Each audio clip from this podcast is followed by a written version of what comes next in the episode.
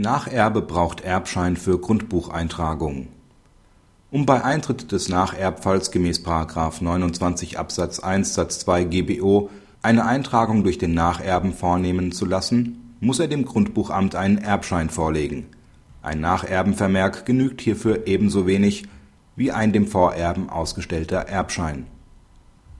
Der Erblasser und seine Ehefrau waren je hälftige Eigentümer von Grundstücken er setzte seine Frau testamentarisch zur befreiten Vorerbin, die sieben Kinder zu Nacherben ein. Nach dem Tod des Erblassers erhielt die Witwe einen Erbschein, der den Nacherbenvermerk für die Abkömmlinge beinhaltete und angab, dass die Nacherbfolge mit dem Tod der Vorerbin eintritt. Die Witwe wurde als Alleineigentümerin des Grundstücks durch Vorlage des Erbscheins eingetragen.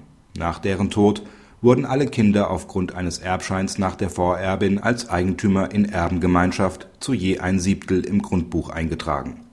Sie veräußerten das Grundstück und beantragten die Löschung des Nacherbenvermerks, bewilligten und beantragten zugunsten der Erwerber eine Vormerkung am ungeteilten Grundstück und erteilten hierzu auch eine Belastungsvollmacht, damit der Käufer den Kaufpreis finanzieren konnte.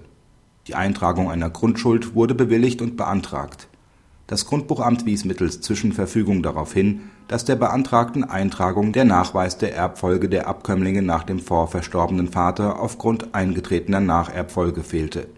Die Eintragung der Erbengemeinschaft der Kinder sei aufgrund des Erbscheins nach der Mutter, also der Vorerbin, als unbeschränkte Erben erfolgt.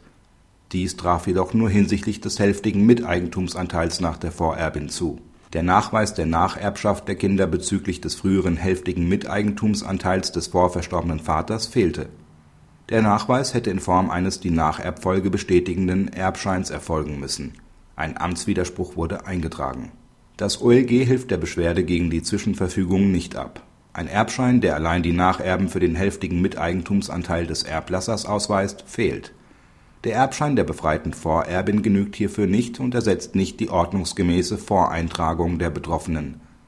Mangels Erbschein ist nicht ausgewiesen, dass die Kinder auch Nacherben des ursprünglich hälftigen Anteils des vorverstorbenen Vaters wurden. Gemäß § 35 Absatz 1 Satz 1 GBO ist dieser Nachweis nur mittels Erbschein zu führen. Praxishinweis Die Entscheidung zeigt, wie schwierig die Umsetzung der Vor und Nacherbschaft selbst nach dem Nacherbfall in grundbuchrechtlicher Hinsicht sein kann. Nacherben müssen ihre endgültige Nacherbenstellung grundsätzlich immer durch eigenen Erbschein belegen, der ihre diesbezügliche Berechtigung ausweist